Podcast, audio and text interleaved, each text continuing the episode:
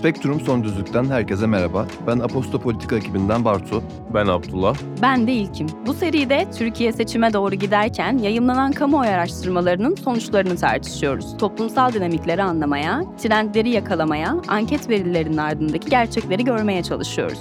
Zaman zaman araştırma şirketlerinden, akademiden, medyadan ve siyasi partilerden konuklarımızı da ağırlıyor, düşüncelerini soruyoruz. Son Düzlük'ten herkese merhaba. Bugün konuğum İyi Parti Ekonomi Politikaları Başkanı Bilge Yılmaz. Hoş geldiniz Bilge Bey. Hoş bulduk, Ee, teşekkürler. Daha önce, daha önce ekip arkadaşım Abdullah'ın sizle yaptığı röportajda aslında ekonomi yönetimine talip olduğunuzu, kadrolarınızın ve politikalarınızın hazır olduğunu söylemiştiniz. Bu söyleminizle son zamanlarda hem ulusal basında hem uluslararası basında oldukça dikkat çekiyorsunuz ve bir sonraki ekonomi bakanı olarak lanse ediliyorsunuz Türkiye'nin. Ben ekonomik meselelere geleceğim ama daha önce sıcak siyasi gündeme dair ve sizin kişiliğinize dair aslında sorular sormak, e, böyle başlamak istiyorum. Bu hafta İyi Parti'nin İstanbul İl Başkanlığı'na isabet eden kurşunlar gündemdeydi ve bir hırsızı kovalayan inşaat bekçisinin silahından e, çıktığı söylendi bu kurşunların. Şunu sorarak başlamak istiyorum. Bu açıklama sizi tatmin etti mi? Ve de aslında daha önemlisi siz Türkiye'de siyaset yaparken kendinizi tehdit altında hissediyor musunuz? Benim test altında olup olmam çok önemli değil. Önemli olan burada esasen Türkiye'de bir baskı ortamı yaratılmış olması. Bu tür otoriter rejimler iktidarda kalabilmek için böyle nahoş metotlara maalesef başvuruyorlar. Yani bir tweet attı diye bir genç evinden sabaha karşı alınabiliyor haftalarca hapis atılabiliyor. Bunlar insanları sindirme, korkutma taktikleri. Bize karşı yapılanlar da onun bir parçası esasen. Daha öncesinde genel başkanımıza yapılan bir tehdit vardı. Onun hemen arkasında böyle bir kurşunlama olayı oldu.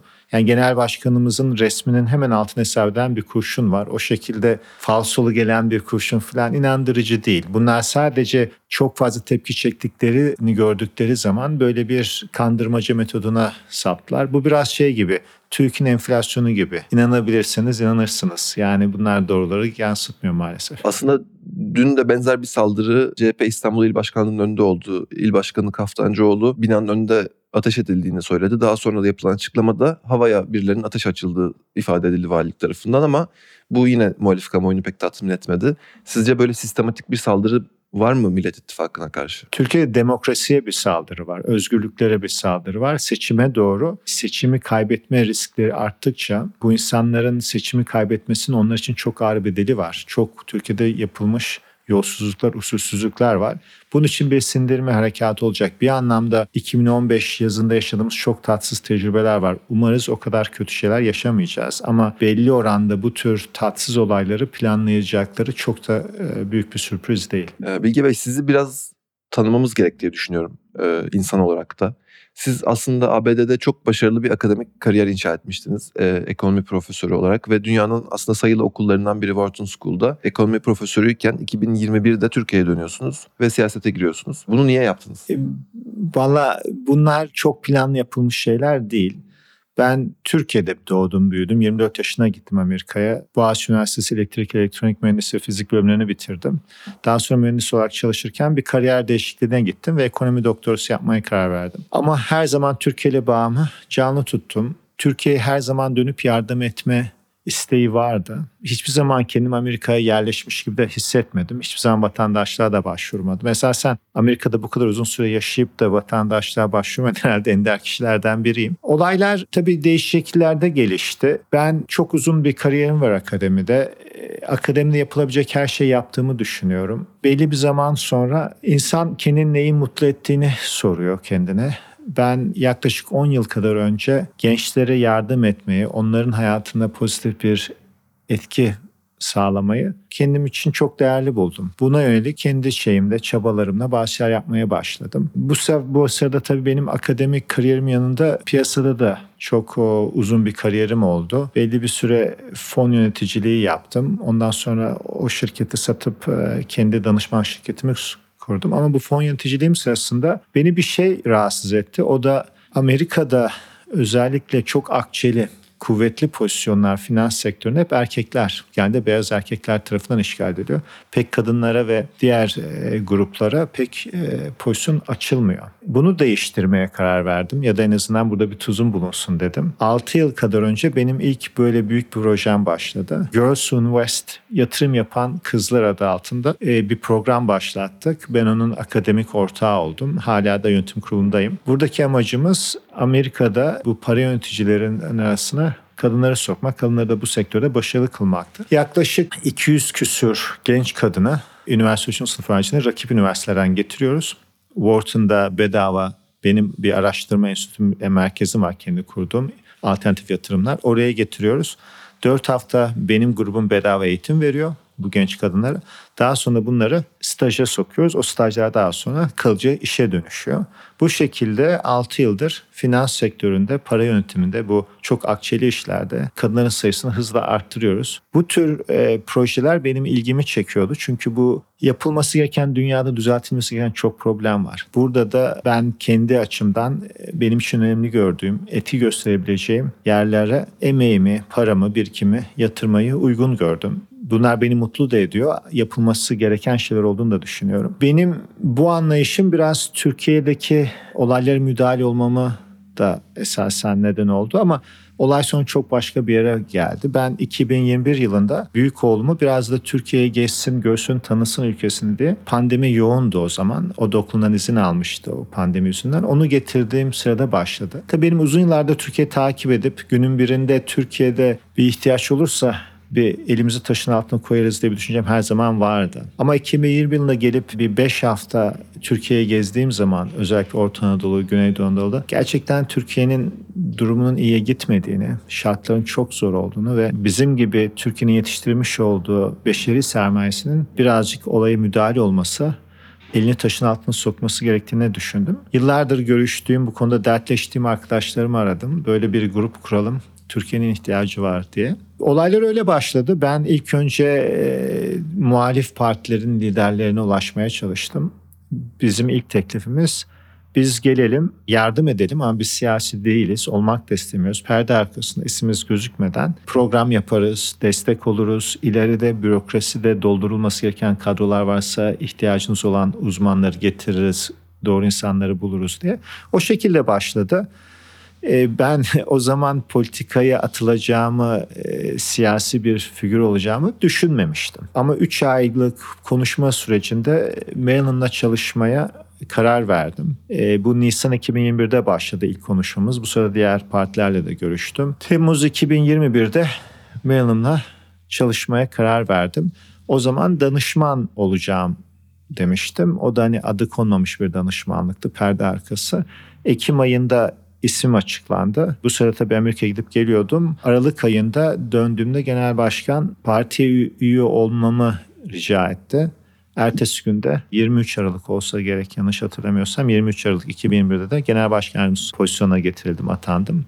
Gerisi zaten artık sizin de bildiğiniz gibi biraz da kamunun önünde gerçekleşti, kamuoyunun önünde. Bilge Bey siz aslında sizin olmadığınız ortamlarda Bilge Hoca diye anılıyorsunuz. Şeyi de merak ediyorum. Siz öğrencileriyle nasıl ilişki kuran bir hocaydınız? Yani mesela sizin öğrencilerinize gitsek sorsak sizin hakkınızda ne söylerler sizce? Nasıl bir hocaydınız? Tabii binlerce öğrencim var. Bunlar arasında sen çok Türk öğrencim de oldu. E, bu deneyi yapmak lazım. Ben onların yerine tabii konuşmam doğru değil. Ben genelde beni akademide tutan şey uzun sürede son e, 10-15 yılda esasen gençlere yardım etmek. Hayatlarında bir değişiklik yaratmak. Çünkü akademinin esasen özellikle bu çok üst okullarda eğitimden ziyade araştırma fonksiyonu önde. Yani sizin iyi bir okulda terfi etmeniz, kürsü sahibi olmanız iyi öğretmen olmanızdan, gençler yardımcı olmanızdan değil, iyi araştırma yapmanızdan ötürü. Ben akademide başarılı oldum ama akademinin o yönü beni hiç çok cezbetmedi. Yani tabii ki araştırmalar önemli, araştırma yapmaktan zevk aldım. Onu, o oyun belli bir zaman sonra çok bana ilginç gelmemeye başladı. Çünkü benim özellikle yaptığım araştırmalar kariyerimin en başında oldukça teknik. Yani benim yaptığım araştırma makaleler belki 20 kişi anlıyor, 10 kişi seviyor, 10 kişi sevmiyor. Yani hayat etkiniz çok küçük. Daha sonra ben biraz daha büyük etki alanlı yerlere girdim. Ama bunlara girerken aynı zamanda da ben insanlara nasıl dokunurum, gençlere nasıl yardım ederim diye de düşünmeye başladım. Benim yaklaşık 2011'den sonra o yöne yavaş yavaş yönelmem başladı. Mesela bizim okulda Wharton School'da 25 yıldır lisans programı yenilenmemişti. Benim bu gençler onu ilgimi dekanlık hissedince dediler Bilge sen seviyorsun gençlere yardım etmeyi. Bu lisans programını yeniden organize et, tasarla. Onu yaptım. Bu sırada bu alternatif yatırım programının tabii bir araştırma ayağı var ama özellikle bizim öğrencilerimizin avantajlı olması için onun bir de eğitim ayağını geliştirdim. Genelde gençlerle olan ilişkim benim onlara yardımcı olduğumu, onlara hayatta ki yani bir yere gelmelerini kolaylaştırdığımı düşündükleri için genelde olumlu bakarlar. Bir de ben gereksiz bir otoritede yaratmam. Yani Tabii bu Türkiye'de kültüre çok uymuyor belki ama ben Amerika'da öğrencilerime söylerim. Bana ön adımla da hitap edebilirsiniz. İsterseniz Doktor Yılmaz deyin, isterseniz Profesör Yılmaz deyin ama hani bana bilgi de diyebilirsiniz derim. Bu tabii özellikle lisans öğrencileri, master doktora belki o kadar şaşırtıcı değil ama lisans öğrenciler için şaşırtıcı olan bir şey. Çünkü onların çoğunun annesinden babasından daha yaşlıyım. Benim çünkü orada yaklaşım da şu. Yani suni bir saygıdan ziyade benim fikirlerim, düşüncem ona saygı göstersinler. Eğer benim fikirlerim onların aklına yatmıyorsa özgürce benimle tartışabilsinler de istiyorum. O ortamı sağlamaya çalışıyorum. Umarım gençlerin de öğrencilerin de hoşuna gidiyordur. Bana öyle geliyor ama onu tabii sizin bir gençlere sormanız lazım. Benim tabii yüzlerce Türk öğrencim de oldu. Yani 25 yıldır hocalık yapıyorum. Bunun çok büyük kısmı Wharton School'da geçti. Kısa bir dönemi Stanford'daydım. Bir de sağda solda rica üzerine küçük dersler de anlattım rakip okullarda. Yani toplasam herhalde 10 binin üzerinde öğrencim olmuştur derslerde. Bunlar arasında tabii ki en az yüzde Türk öğrenci vardır. Sorabilirsiniz. Ben de merak ediyorum ne diyeceklerini. Şimdi biraz daha aslında iktisadi meselelere geliyorum. Ee, dün akşam Habertürk'te izledim ben sizin yayınınızı. Depremzedeler için inşa edilecek konutlar hakkında e, bunun maliyetini Türkiye bir yılda ödeyemez evlerin maliyetinin vatandaştan tamamen kısa sürede alınması zaten e, mevzu bahis değil. Biz bunu uzun vade yayarak toplayacağız dediniz. Hemen sonrasında sosyal medyada iktidar yanlısı basın bunun bu konutların ücretsiz yapılacağını söyleyen Cumhurbaşkanı adayı Kemal Kılıçdaroğlu'nun bu vaadiyle çeliştiğine dair paylaşımlarda bulundular. Bu konuda ne söylemek istersiniz? Çünkü böyle bir şey oluştu dün akşam mesela sosyal medyada. Tabii böyle şeylere çok dikkatli konuşmak lazım. Ee, ne kadar dikkatli konuşsanız Doğan tabii naklen yayında çarpıtmak da mümkün. Şimdi şöyle bir şey var orada. Böyle bir parayı zaten vatandaştan almak mümkün değil. Benim o söylemek istediğim şeydi. Ama devletin de böyle bir parası yok. Bunun bizim uzun vadeli dış finansman özellikle dış finansman dedim. Dış finansman yollarıyla bizim bu inşaatları e, sadece burası evler de değil. Altyapı da çok zarar gördü. Endüstride de zarar gördü. Buraları hızla yapmamız lazım. Ve bu parayı da biz bu alternatif dış finansman kaynaklarından sağlamak zorundayız. Bunu ne devlet verebilir ne vatandaş verebilir. Ondan sonra da özel sektöre bazı şeyleri bedava vermek uygun olmaz ama ihtiyacı olan vatandaşları evinin parasını devlet öder. On, orada bir çelişki yok. Ama dediğim gibi bunlar dinamik bir ortamda konuşulurken ve cımbızla çekildiği zaman değişik anlamlar çıkabilir. Netice itibariyle Millet İttifakı'nın bir ortak mutabakat metni var. Herkes ona bağlı kalacak zaten. Ondan sonra diğer detayları da geldikçe renklendireceğiz. Ama orada benim gördüğüm kadar bir çelişki yok. Benim orada bahsettiğim yıllara yayılarak bunun dış finansman ödenmesi.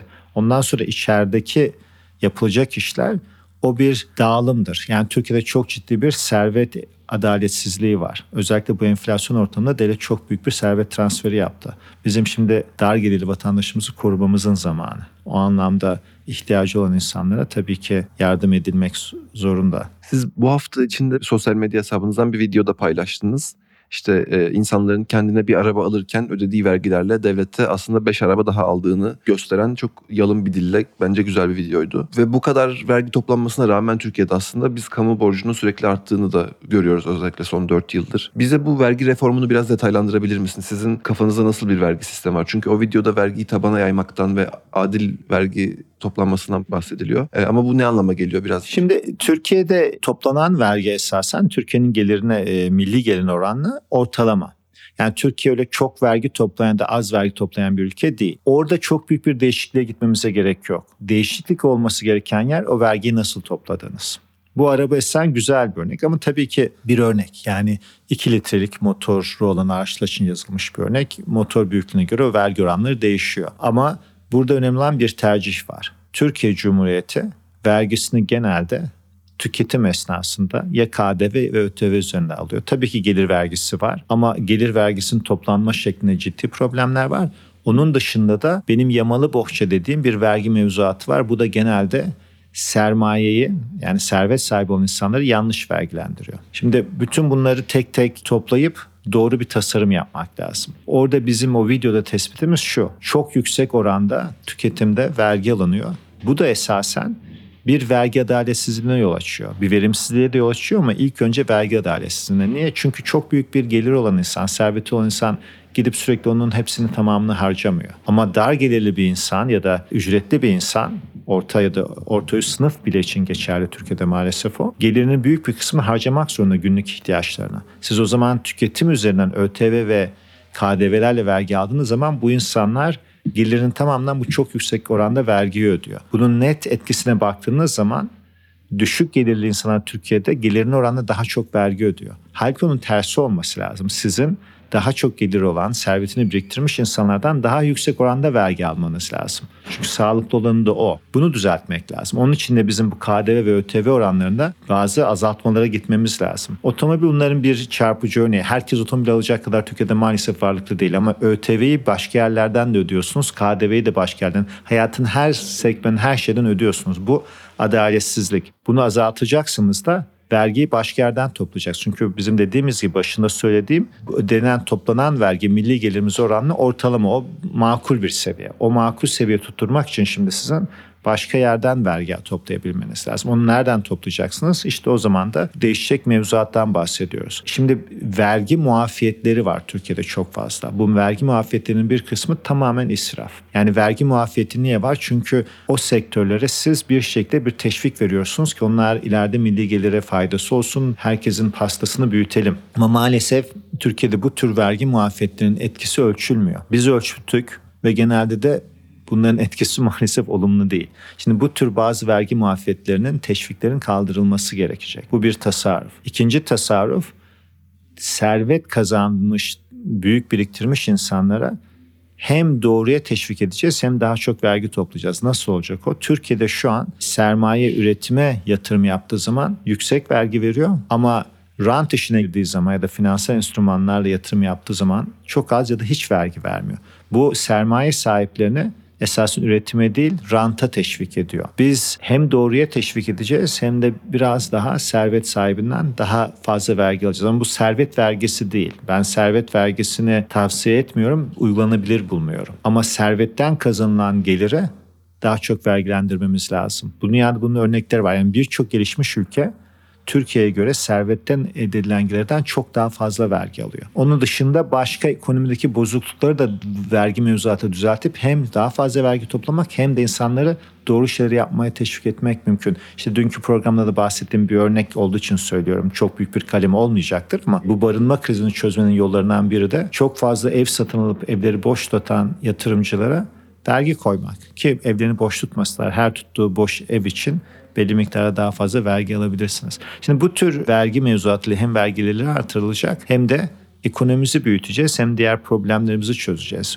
Benim vergiden anladığım bu. Tabii büyük bir tasarım. Biraz da bunları stratejik düşünmek, yapmak lazım. Dünyada bütün ülkelerin buna benzer problemleri var irili ufaklı. Türkiye'nin problemleri çok büyük. Çünkü Türkiye bunları uzun sürede doğru tasarlayıp iyi işler yapmadı. Türkiye'deki vergi tasarımı bazı uzmanlık eksiklerinin olduğu gibi art niyetten de yolsuzluklarla da alakalı. Bunların düzeltilmesi lazım. Ama bu tür e, düzeltmeler, biz bunlara yapısal reformlar diyoruz. Genelde zordur. Yani bu sadece uzmanlık olarak zor değil, aynı zamanda politik olarak da, siyasi olarak da çok zor olabilir. Çünkü her yapısal reformun bir muhalifi olur. Onun için bu yapısal reformların hepsini birden yapmaya kalktığınız zaman o bütün muhalifleri karşınızda siyasi olarak birleştirirsiniz. Bunun için de Bu reformların biraz zamana yayılıp stratejik olarak birer birer yapılması lazım. Şimdi ben hangilerinin yapılması gerektiğini ilk önce söylemiş bulundum zaten. Oradan başlayacağız. Bunun devamı gelecek. Ben bilgi ve ekonomi okumadım aslında. Uluslararası ilişkiler okudum ama son 4-5 yıldır tabii hayat şartları gereği ekonomi okur yazarlığımız istemediğimiz kadar çok arttı. Ve son zamanlarda okuduğum analizler şu anda Türkiye'de döviz kurunun baskılandığını e, ve her an patlayabileceğini özellikle kur korumalı mevduat politikasından vazgeçildiği anda e, doları tutan şeyin de ortadan kalkacağını, seçimden sonra ayrıca e, sonuç ne olursa olsun işsizliğin yükselebileceğini çünkü daha fazla işletmenin kapanabileceği gibi analizler yapılıyor. Depremin yarattığı yıkım da bu ekonomik krizin faturasını kabartıyor. Öncelikle şunu sormak istiyorum size. Bu analizler ne kadar doğru? Yani siz yönetime gelirseniz eğer kucağınızda bir enkaz mı bulacaksınız? Bu işin içinden nasıl çıkacaksınız? Ne kadar umutsuz bir noktadayız? Şimdi bunun içinden çıkacağız. Umutsuz olacak bir durum yok. Ben hayatımda yapamayacağım hiçbir şey kalkışmadım. Bunun da altından kalkarız ve çok hızlı bir şekilde kalkarız. Ben zaten bir fark yaratabileceğimi düşündüğüm için buradayım. Onun için tedirgin olacak, umutsuzluğa düşecek bir durum yok.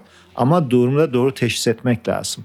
Ben şu an bulunduğumuz durumu yüzyılın enkazı olarak adlandırıyorum. Çünkü bu cumhuriyetten düştüğümüz en kötü ekonomik durum. Şu an çok büyük bir tahribat var. İnsanlar ciddi derecede muzdarip.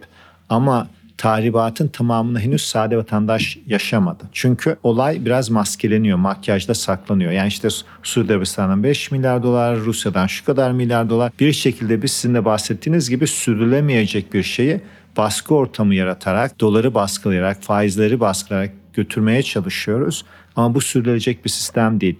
14 Mayıs'tan sonra iktidar kazanırsa seçimi çok ciddi tahribat su yüzüne çıkacak. Kaybederse de bir kısmı çıkacak ama biz hızlı müdahalelerle bu tahribatı hızla geriye çevirmemiz mümkün. Şimdi şöyle düşünmek lazım tahribatı. Bakın deprem bölgesindeyiz. Herkes depremi iyi anladı, yaşadık. Çok acı tecrübelerimiz oldu. Şimdi bir ev düşünün. Evi siz götürüyorsunuz zemin analizini yapmadan bir yere inşa ediyorsunuz. Yani sizin yapısal problemleriniz var evin kurduğunuz yer açısından. Ben bunu Türkiye ekonomisine benzetiyorum. Şimdi Türkiye ekonomisinde de yapısal hatalar devam edildiği için Türkiye'nin kronik dış ticaret ve cari açık problemi var. Nedir dış ticaret problemi? Türkiye genelde ürettiğinden dışarıya sattığından fazlasını dışarıda satıp tüketiyor. Yani ithalatımız ihracatımızdan büyük. Turizm gibi gelirlerimizle biz arayı kapatmaya çalışıyoruz ama kapatamıyoruz. Yeterli olmuyor. Biz sürekli cari açık veriyoruz. Ne demek o? Bizim sürekli dışarıdan dövize ihtiyacımız var. O ya borç olarak gelecek ya da yatırım olarak gelecek.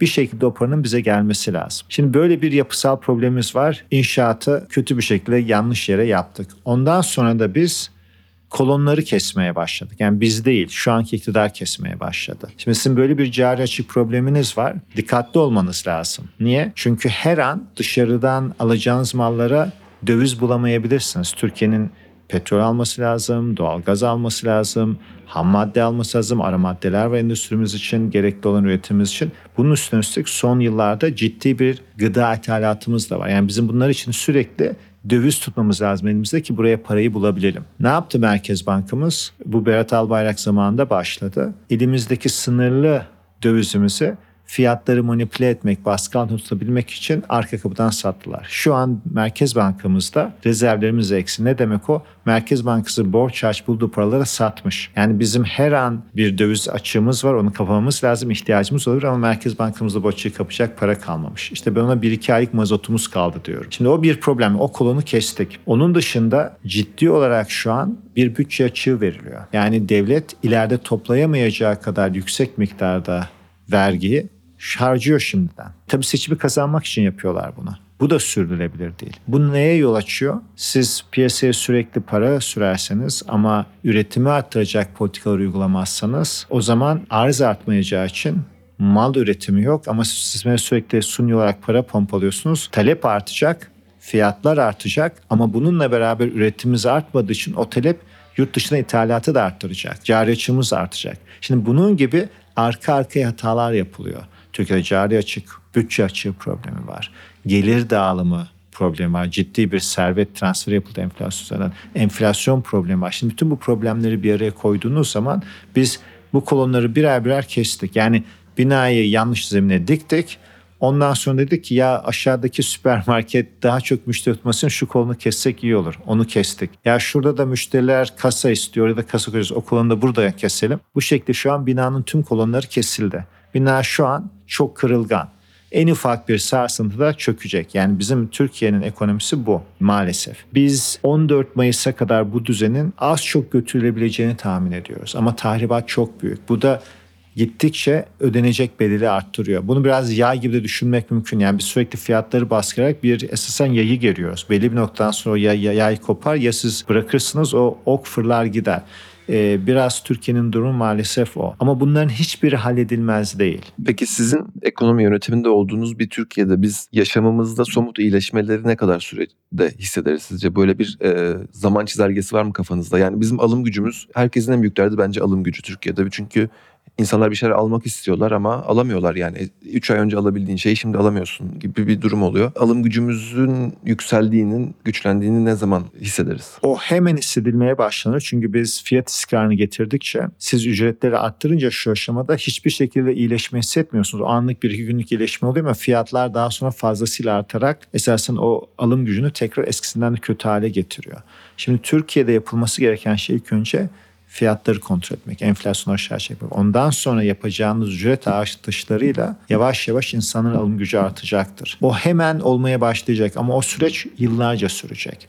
Şimdi Türkiye'de onunla alakalı fiyat istikrarıyla alakalı başka bir problem daha var alım gücü açısından. O da insanların ücretlerinin esasen hayat boyu aşağı yukarı sabit kalması. Hangi anlamda onu söylüyorum? Göreceli anlamda. Türkiye'de çalışan insanların yarısı asgari ücret kazanıyor ve gittikçe uzmanlaşan insanların ortalama ücreti asgari ücrete yaklaşıyor Türkiye'de. Çok acıklı bir şekilde. Bu esasen bilinçli, kasıtlı yapılan bir şey Türkiye'de uzun yıllardır. Şimdi yeni işe girmiş, fazla bir tecrübesi, eğitim olmayan lise mezunu bir genç diyelim. 17-18 yaşında vasıfsız bir şekilde başlıyor. Çok büyük bir uzmanlığı yok hiçbir konuda. Şimdi o insanın asgari ücret alması normal. Ama bir şeyde işini öğrendikten sonra, uzmanlaşmaya başladıktan sonra 2-3 yıl sonra hala asgari ücret almıyor olması lazım. Ama maalesef Türkiye'de hala asgari ücret alıyor. Hatta bu insan yaşlanıp hala asgari ücret alırken emekli oluyor. Şimdi bu da esasen insanların alım gücünü etkiliyor. Çünkü uzun vadede siz bir şeyde uzmanlaştıkça, üretkeniniz arttıkça sizin ücretinizin artması lazım. Şimdi Türkiye'yi diğer ülkelerle mukayese ettiğiniz zaman o çok çarpıcı tokat gibi insanın yüzüne çarpıyor. Yani asgari ücret alan çalışanların sayısı nüfusta %5-10 olur. Avrupa ülkeleri arasında yanlış hatırlamıyorsam Slovenya bizden sonra yüksek. O bile 14-15 civar. Türkiye'de bu sayı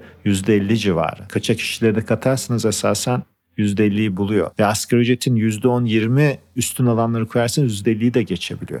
Bu esasen çok ciddi bir problem ekonomide. Bizim bu problemi de çözmemiz lazım. Bu problem yıllarca sürecek bir düzelmenin sonucu gittikçe yok olacak. Ama sizin yaşınızdaki gençler için benim yaşıma gelmeden çok daha önce e, bu problemler hallolacak. Ama zaman isterseniz 6 ayda insanların enflasyonun ciddi olarak düştüğünü hissedeceğine eminim. Bir o açıdan rahatlama olacak. Ee, enflasyon bir yıl içinde ciddi olarak e, düşer. Yani ayda ortalama %1,5 seviyesine çekeriz. O da yılda %20 demek. Ondan sonraki bir yıl içinde de yani toplam 24 ayda da enflasyon tek hane, yıllık enflasyon tek hanelere çekeriz diye düşünüyorum. Siz ekonomi politikalarınızın yanı sıra bir kadro hazırladığınızı da hep söylüyorsunuz.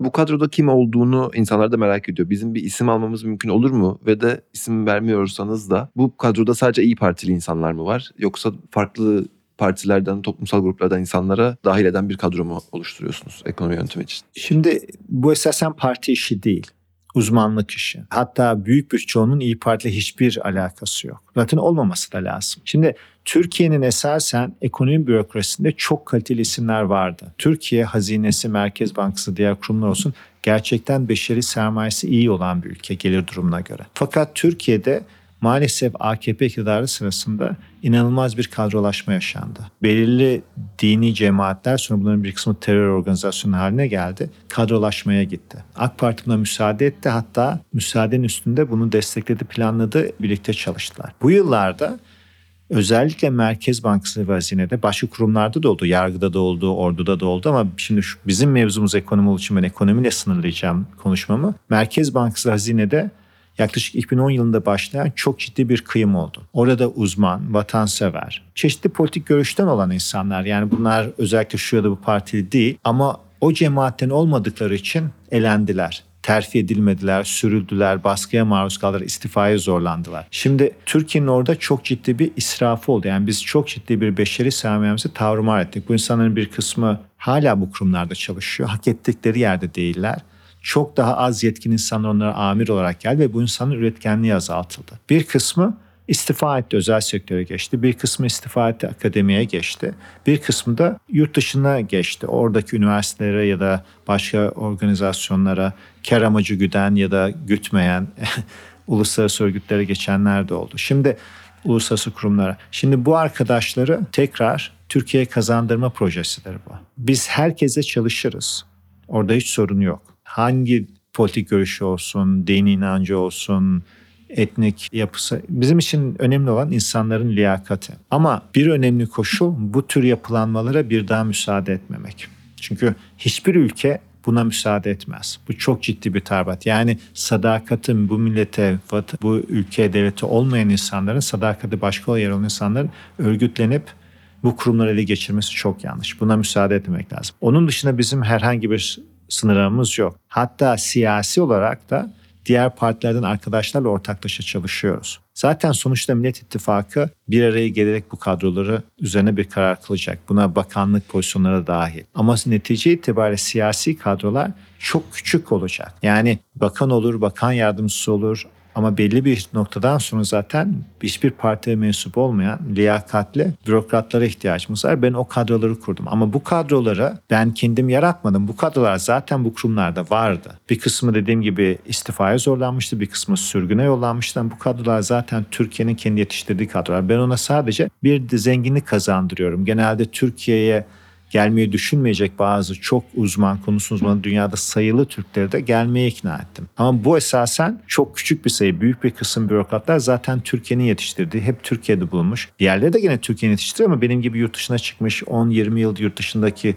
üniversitelerde ya da kurumlarda uzman olarak isim yapmış, dünya çapında iş yapmış insanlar da var. Ama dediğim gibi büyük bir çoğunluk zaten Türkiye'nin bu bürokrasi kadrolarıdır. Ve sonuçta şöyle bir şey daha var. Ben İyi Parti'de çalışmayı seçtim. Ama yani benim amacım Türkiye'ye yardım etmek ve bir Millet İttifakı'nın bireyi. Benim amacım burada Türkiye'ye yardım etmek için kusursuz bir geçiş dönemi yaşanması. Yani biz göreve atandığımız zaman atanırsak ben şu ya da bu görevi alacağım da garanti değil. Ama görev verilirse ben ha şimdi bana bu görev verildi gideyim bakayım kimlerle çalışabiliriz ben bir insanlara mülakat edeyim grubumuzu toplayalım. Ondan sonra yavaş yavaş yapacağımız takım iş ortaya çıksın böyle bir zamanımız yok. Türkiye gerçekten çok zor bir dönem geçirecek geçiriyor ve daha da şartlarımız ağırlaşacak. Onun için ben hazırlandım. Ama şu da var. Otururuz CHP'den ya da diğer ortaklarımız diyebilir ki işte hocam sizi o göreve düşündük. Hani kendi takımınız var biliyoruz ama şu takımımız olacak, şu şu insanlar, şunlar daha iyi olmaz mı? Bizim elimizde de çok iyi bir alternatif var bizim de önerimiz. Tabii ki öneriler dikkate alınır. Amacımız birlikte ortak iyi çalışabilecek en liyakatli kadrolarla çalışmak. Yani o anlamda benim partizan, iyi partili öyle bir grubum yok. Zaten öyle bir grubum olsa da öyle bir grubu getirmek doğru da olmaz. Çünkü beşeri sermaye açısından, liyakatli kadro açısından kimsenin tekeli yok. Bilge ve benim sorularım bitti aslında. Sizin eklemek istediğiniz şeyler varsa söyleyebilirsiniz tabii ki. Şimdi ben birkaç şey söylemek isterim özellikle sizin dinleyicileriniz için. Benim Türkiye'ye gelme sebeplerim birçok ama onlardan en önemlilerinden biri esasen gençler. Ben tabii sizin babanız yaşındayım. Sizin birçok şeyinizi sizin kadar iyi anlayamayabilirim. O anlamda da kendimi her şeyi biliyor, bütün sizin çektiğiniz acıları anlıyorum, duygularınızı anlıyorum diyemem. Ama benim gördüğüm bir şey var. Sizin nesliniz Türkiye'de haksızlığa uğradı. Benim neslim tabii ki Türkiye çok zengin bir ülke değildi. Çok zordu birçok açıdan gene ama bir fırsat eşitliği vardı partizanlık böyle seviyelerde değildi. İyi bir eğitim almak için zengin olmaya gerek yoktu. Benim Türkiye dönmemin sebeplerinden biri bunları düzeltmek. Sizin neslinize de bu fırsatları vermek. Ben Türkiye'deki gençlerin çok büyük bir potansiyel olduğunu düşünüyorum. Çok zorluk çekiyorsunuz. Türkiye'de uzmanlarsınız, iyi bir üniversite okusanız bile mezun olduğunuzda hayatınızı idame etmeniz çok zor. Kiralar çok yüksek, ücretler çok düşük, özgürlükleriniz yok bir tweet atınca bir sabah karşınızda polisi buluyorsunuz. Gençlerimiz bundan daha iyisini hak ediyor. Ben bunu başarmak için buradayım. Elimden geleni de yapacağım. Çok kolay da havlu atmam, pes eden de bir insan değilim. Başaracağımızı biliyorum. Belli bir zaman alabilir ama pes etmeyin de demiyorum. Yani yurt dışına çıkan arkadaşlarımızı, çocuklarımızı da suçlayamıyorum. Herkes tabii ki kendi hayatını idame ettirmek zorunda, en iyisini yapmak zorunda. Ama umutsuzluğa kapılmayın. Gidenler de her zaman geri dönmeye hazır olsun. Türkiye gerçekten büyük potansiyel olan bir ülke. Hep birlikte başaracağımıza eminim. Bilge Bey çok teşekkür ederim Ben teşekkür için. ederim. Son düzlükten bu haftalık bu kadar. Önümüzdeki hafta görüşmek dileğiyle.